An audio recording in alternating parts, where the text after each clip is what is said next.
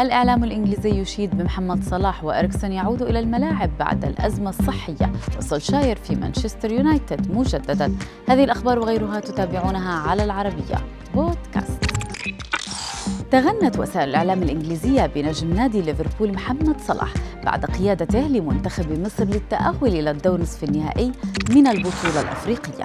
هيئة الإذاعة البريطانية ذكرت بأن أهداف صلاح الفعالة قادت الفراعنة لهذا الإنجاز فيما أكدت صحيفة ميرور بأنه سرق الأضواء في البطولة. الجارديان كتبت ضمن مقالها صلاح صنع الفارق أما ديلي ميل فعنونت صلاح يقود الفراعنة لنصف النهائي.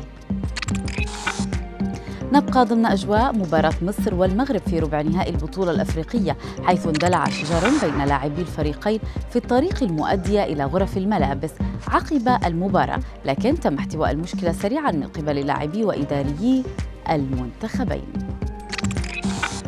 في خبر سار لعشاق كرة القدم عاد النجم الدنماركي كريستيان إريكسون إلى الدوري الإنجليزي من بوابة برنتفورد وذلك بعد سبعة أشهر من حادثة سقوطه مغشيا عليه في الملعب إثر تعرضه لسكتة قلبية في كأس أوروبا الماضية.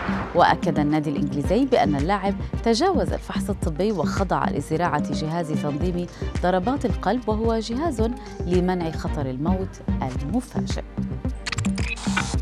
لمن يظن بأن علاقة سولشاير انتهت بمانشستر يونايتد فأنت مخطئ.